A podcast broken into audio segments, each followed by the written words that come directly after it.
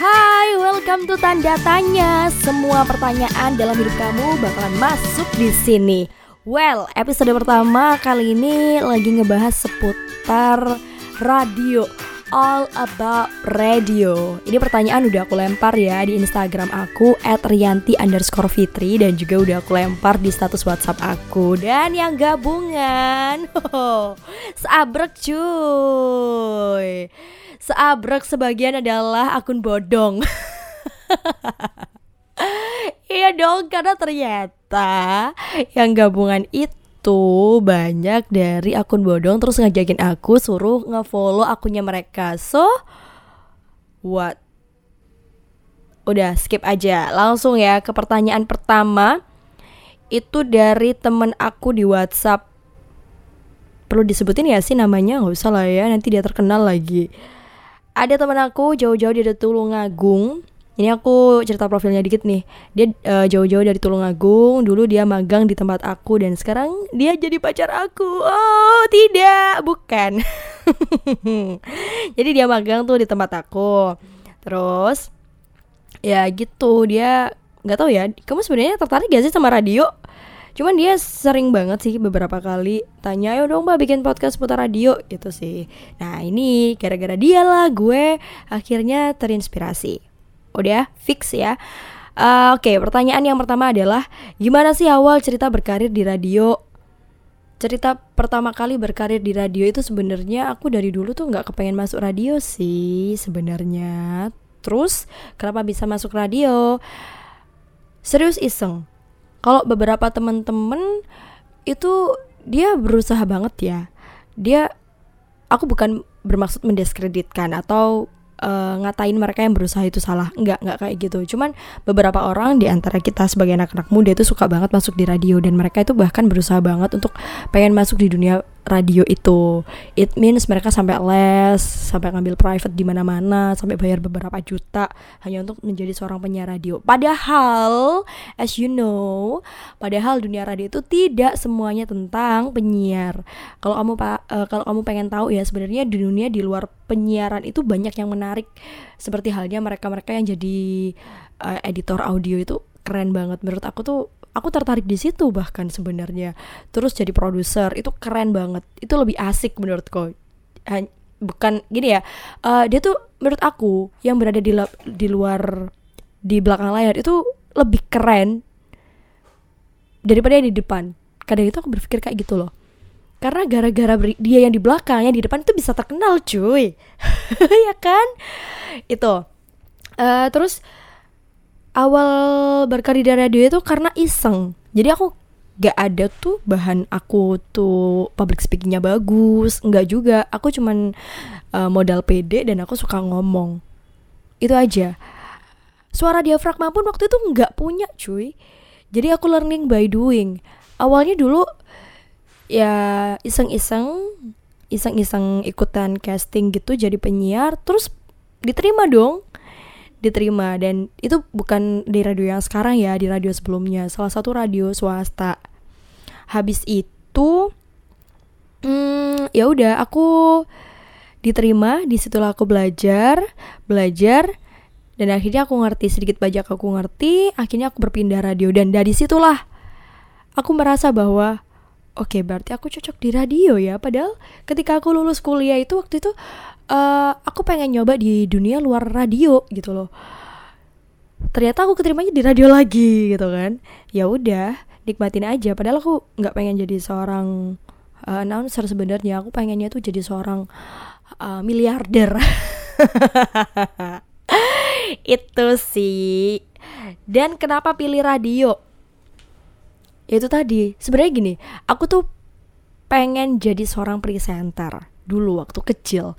Terus banyak orang itu yang bilang ya kalau kamu pengen jadi seorang presenter ya dasarnya di radio. Ya aku nggak mau dong dulu waktu kecil tuh gitu. Ya aku nggak mau dong soalnya radio itu lebih ribet uh, bisa dibilang single fighter gitu kan. Pegang mixer sendiri ngurusin lagu sendiri dan sebagainya gitu kan dan harus lebih kreatif dari seorang presenter. Kenapa kok aku dulu pilih, pilih presenter? Karena presenter tuh kayaknya gampang, kayaknya, kayaknya tuh gampang gitu loh. Tinggal lu ngomong aja atau lu cuman baca berita karena di situ udah ada naskahnya gitu kan ternyata kagak dong ya udah ternyata dari bukan kenapa pilih radio ya karena sebenarnya itu it's really iseng dan karena rezekinya di situ ya aku ambil aja. Tuh aku juga suka ngomong gitu. Dan aku juga suka dunia entertain. Ya udah dimasukin aja. Itu. Terus apa sih skill yang dibutuhin buat bisa jadi penyiar kece itu kak? Oh. Skill apa yang harus dimiliki selain teknik vokal gitu-gitu udah biasa ya.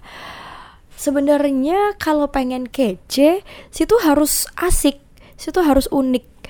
Jadi kalau kamu pengen jadi yang nomor satu jadilah yang terunik sebenarnya bukan yang ter the best. Yang unik itu orang lebih suka. Unik itu bisa dari suara ya kan? Bisa dari karakter lu siaran atau bisa dari uh, gaya bahasa dan sebagainya kayak gitu-gitu. Sebenarnya jadi penyiar yang kece itu sometimes gini loh.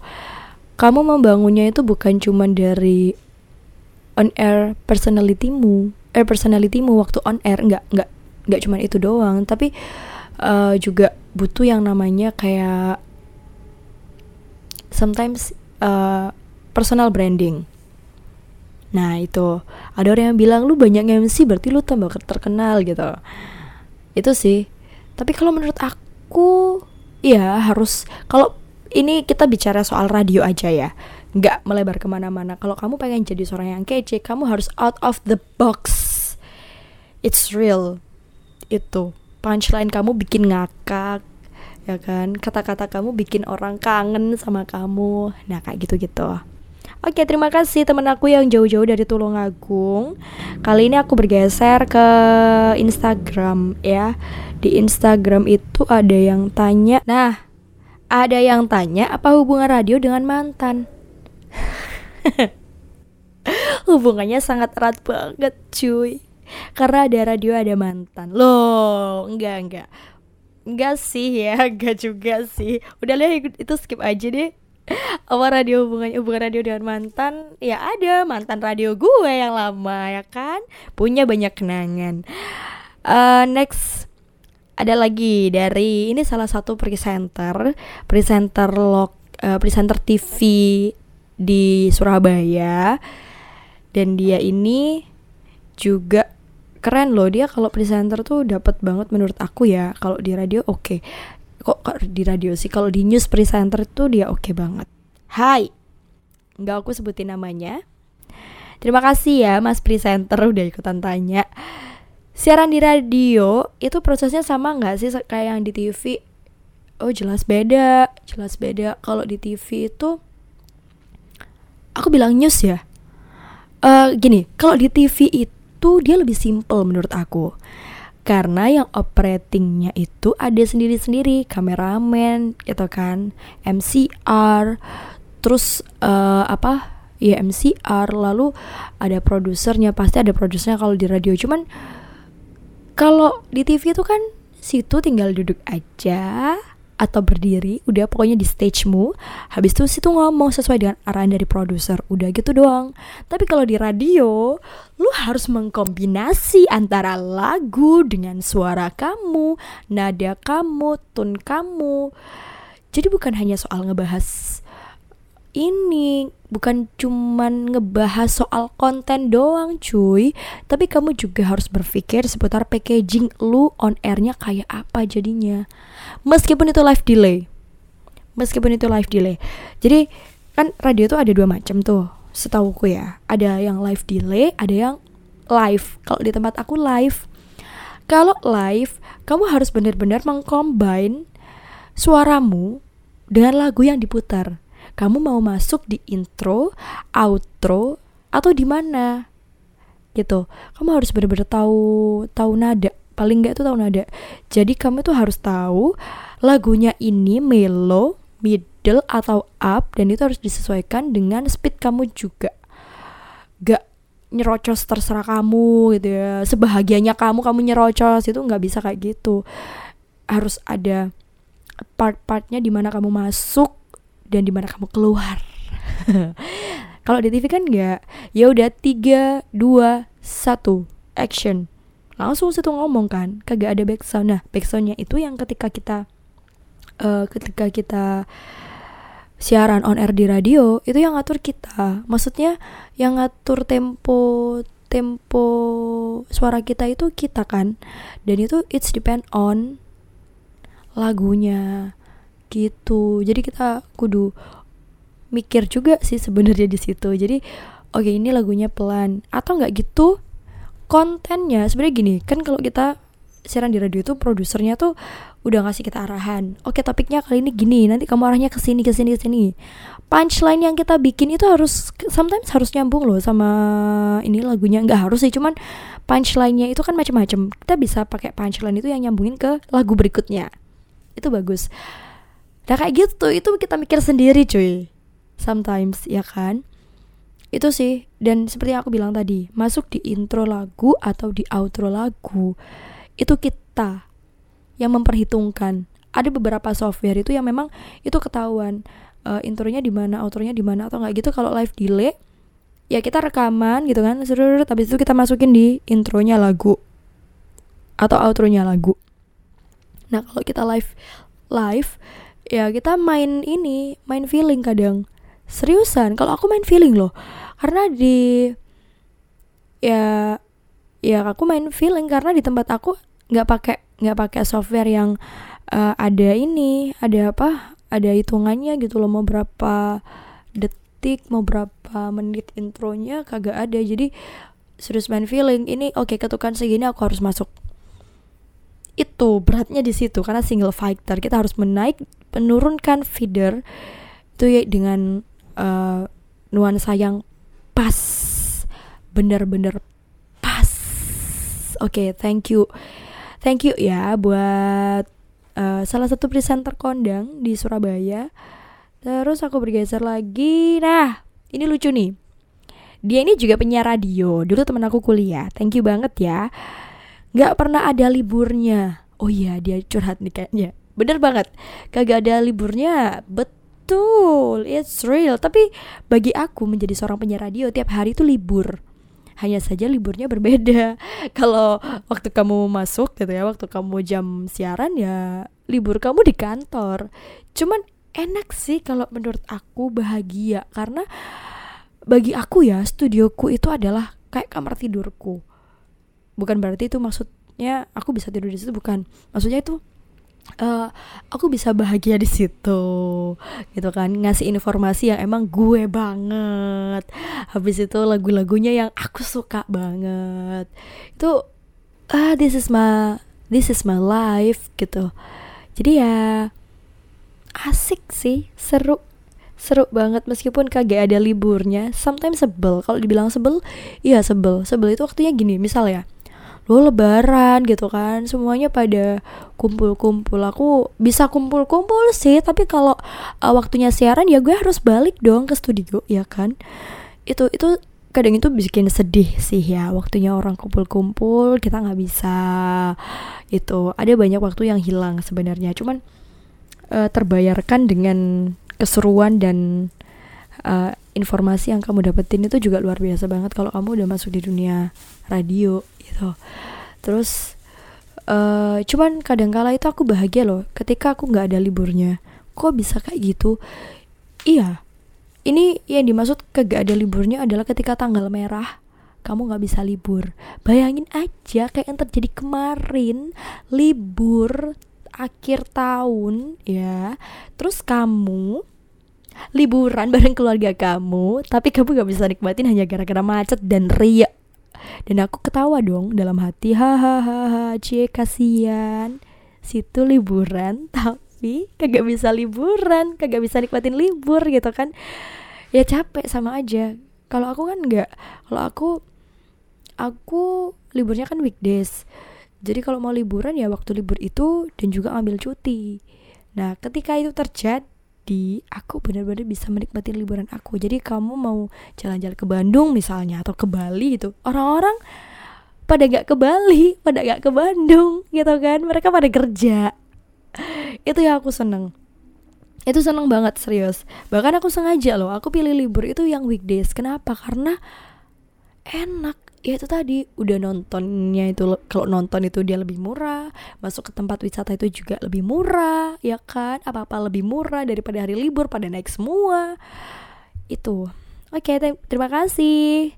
Terus aku bergeser lagi. Oh ada yang tanya sebentar. Nah radio itu apakah persoalan musik berita atau ada another something special yang bisa diceritakan another something special menurut aku itu mungkin setiap penyiar itu punya pengalaman masing-masing ya. Uh, another specialnya adalah aku selalu punya kenalan baru. Dan dari situlah aku punya job yang baru. Side job maksudnya. Dan itu bikin aku bahagia. Jadi kayak ketemu dengan orang-orang yang baru itu menyenangkan. Karena kamu bisa belajar berbagai karakter berbagai profesi kayak gitu tuh seru. Dan kamu punya banyak temen. Kalau punya banyak temen lu nongkrong bisa dibayar sama mereka mereka eh nggak juga. Nggak juga. Jadi ya kalau misalnya kamu punya banyak temen itu asik. Kamu punya banyak pengalaman. Dan kamu punya banyak peluang. Itu. Cuman uh, satu lagi something specialnya adalah something special dan something awkward sometimes. Itu pernah terjadi sama aku jadi kalau kamu punya fans yang fanatik itu asik. Itu artinya kamu diakui. Itu artinya kamu ada. Gitu kan? Dan uh, cuman kalau misalnya fans itu fanatik sih boleh. Lu mau ngasih aku barang juga boleh. Lu mau ngasih aku duit juga boleh banget. Cuman kalau udah apa karena aku kelihatan kayak anak kecil ya? Jadi kayaknya itu mereka yang yang bisa dibilang apa ya fanatik banget sama aku itu kayak ya horror psycho. Beberapa kali itu annoying dan menurut aku tuh nggak aman bagi aku sebagai cewek ya. Jadi uh, kalau dulu di radio swasta itu di radio sebelumnya sebelumnya ini aku ada salah satu pendengar itu yang fanatik. Dia tuh sampai telepon tiap kali siaran itu telepon. Bahkan ketika aku jadi gatekeeper pun dia telepon. Teleponnya itu bukan mau gabung teleponnya itu dia mau ngajak makan siang. Maybe it's okay. Kalau seumuran sorry waktu itu radioku itu uh, usianya bukan usia anak muda ya. Usia uh, 25 tahun ke atas. 25 tahun sampai targetnya tuh kalau nggak salah 25 sampai 50 ya kalau nggak salah. Dan itu dia ngajakin aku makan siang and then dia itu I'm so sorry om om dan aku nggak suka aku takut dong say. Zaman itu aku masih kuliah. Masih kuliah semester berapa ya? Empat kalau nggak salah. Empat apa lima gitu. Lupa aku. Sekitar segitu.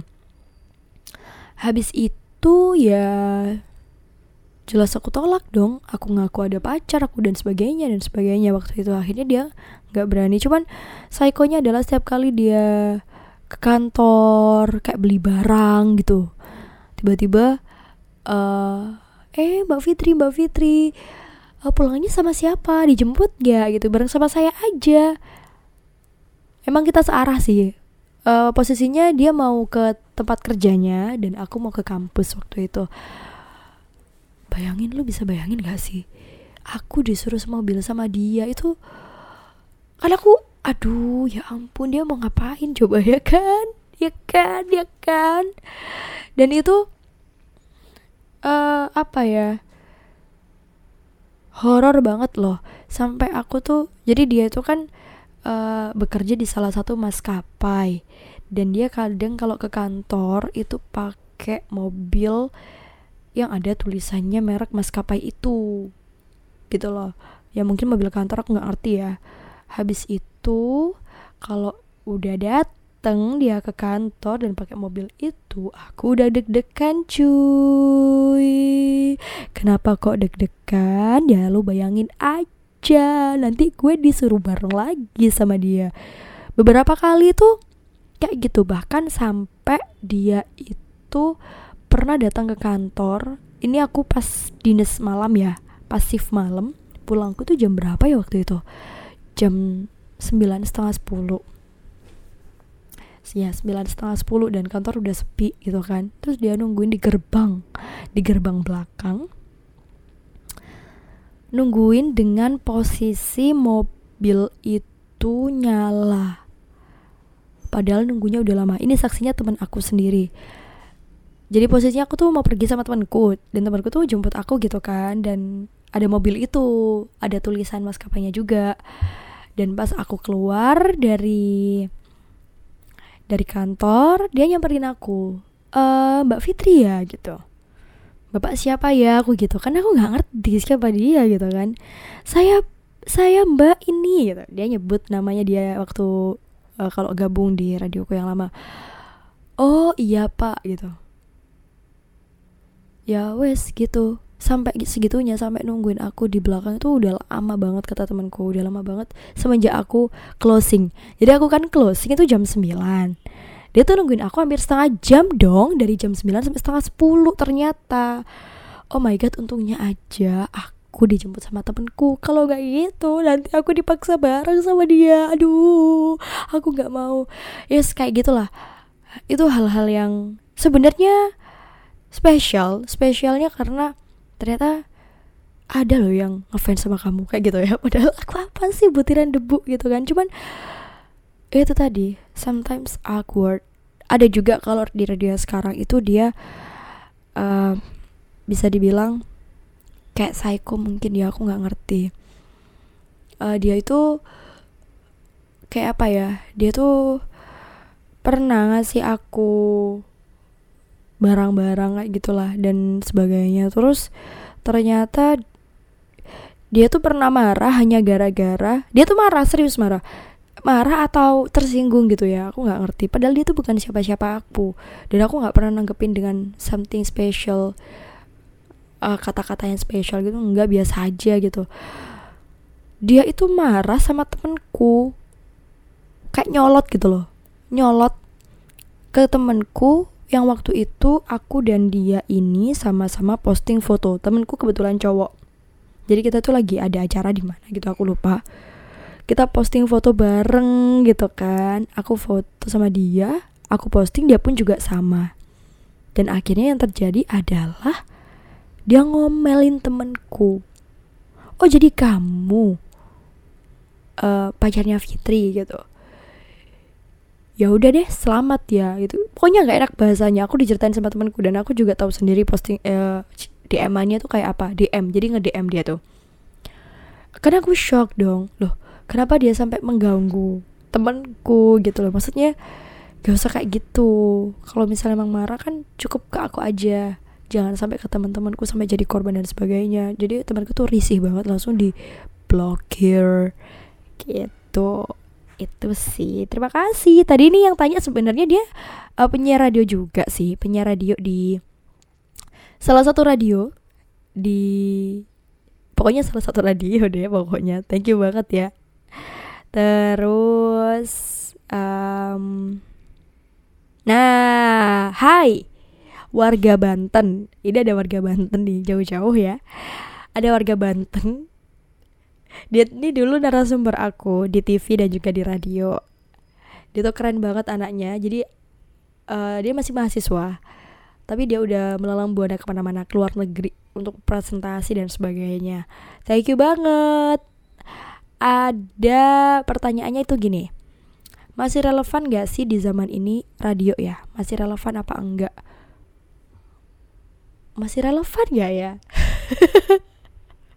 Nah itu gini kalau misalnya kamu dengerin radio tuh selain menghibur dari musik kamu bakalan ketawa gara-gara penyiar.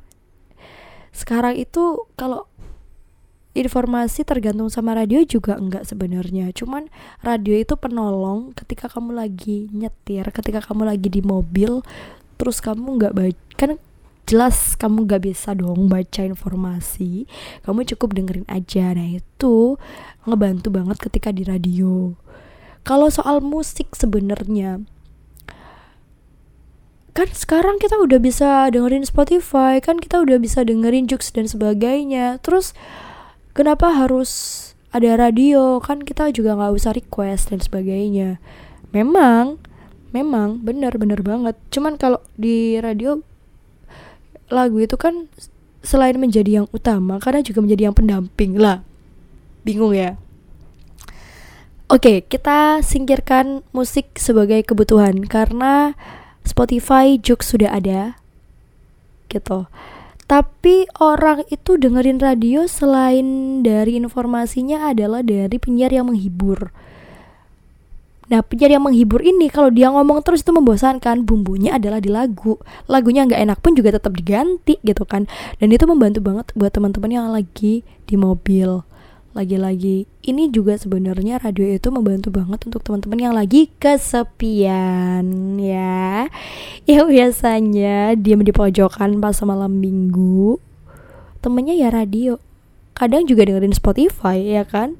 Kadang cuman kan gini kalau di radio itu sebenarnya lu bisa dua arah. Dua arah itu maksudnya ya kamu bisa ikutan komentar dan kamu bisa ikutan uh, kan gabung gabung ya gabung di salah satu program di radio itu kan juga bisa. Nggak harus request musik sih sebenarnya. Nah itu kadang kala membantu teman-teman yang lagi stres dan butuh teman curhat. Serius loh.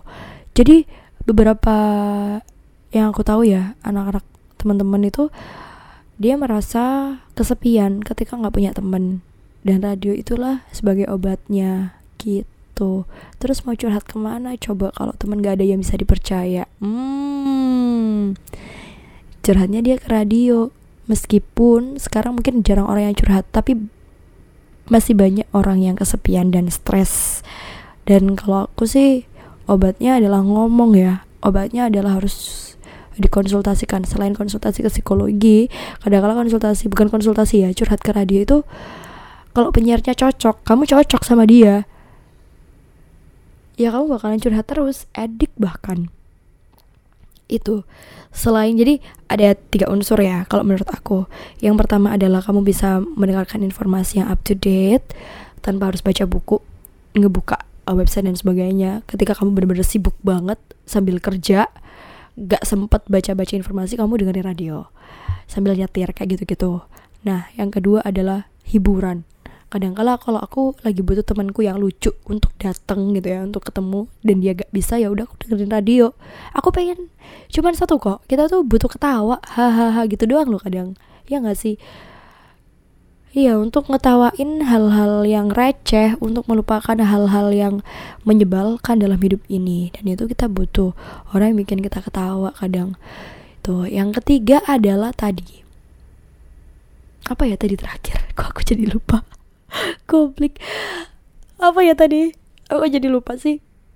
Apa uh, yang pertama informasi, yang kedua itu tadi uh, yang lucu-lucu, yang ketiga itu adalah oh ya, untuk menghilangkan rasa stres aja, untuk uh, sharing pengalaman, sharing rasa hal-hal yang tidak disukain, uh, curhat gitu-gitu. Gitu-gitu sih. Dan yang terakhir itu lagu, lagu itu memang bagian yang utama selain Spotify. Cuman kadang dia hanya menjadi seorang sebagai penghibur. Jadi gini lo bayangin aja, lo dengerin orang ngomong berjam-jam bosen kan dan di situlah dimasukkan lagu untuk menghangatkan atau merefresh otak kamu gitu. Oke terima kasih. Banyak banget ya. Yang lain adalah akun bodong. Oke sebentar sebentar. Ya udah itu aja deh. Next kita bakalan bahas lagi sesuatu yang lebih uh, mau yang lebih lucu atau mau yang lebih biasa aja atau mau yang lebih uh, apa ya uh, mau curhat-curhatan yang melo-melo. It's okay. Semuanya ada di tanda tanya. Lo kalau misalnya mau gabung mau ikutan topiknya pokoknya aku kalau nggak nge-share-nya Senin ya Minggu ya. Pokoknya di Instagram at Rianti underscore Fitri. Dicari aja di instastorynya topik apa yang bakalan aku bahas tiap Rabunya itu bisa kamu uh, share di situ. Karena uh, next itu bakalan aku hadirkan juga untuk ya kesebelan kesebelan kita di dunia ini. Entah kamu sebel sama teman kamu entah kamu sebel sama siapa pun itu nanti bakalan aku bahas juga Oke, terima kasih udah dan udah dengerin tanda tanya sampai jam berapa? 28 menit, cuy. Panjang. Ya udah deh, see you bye bye. Sampai ketemu di Rabu depan.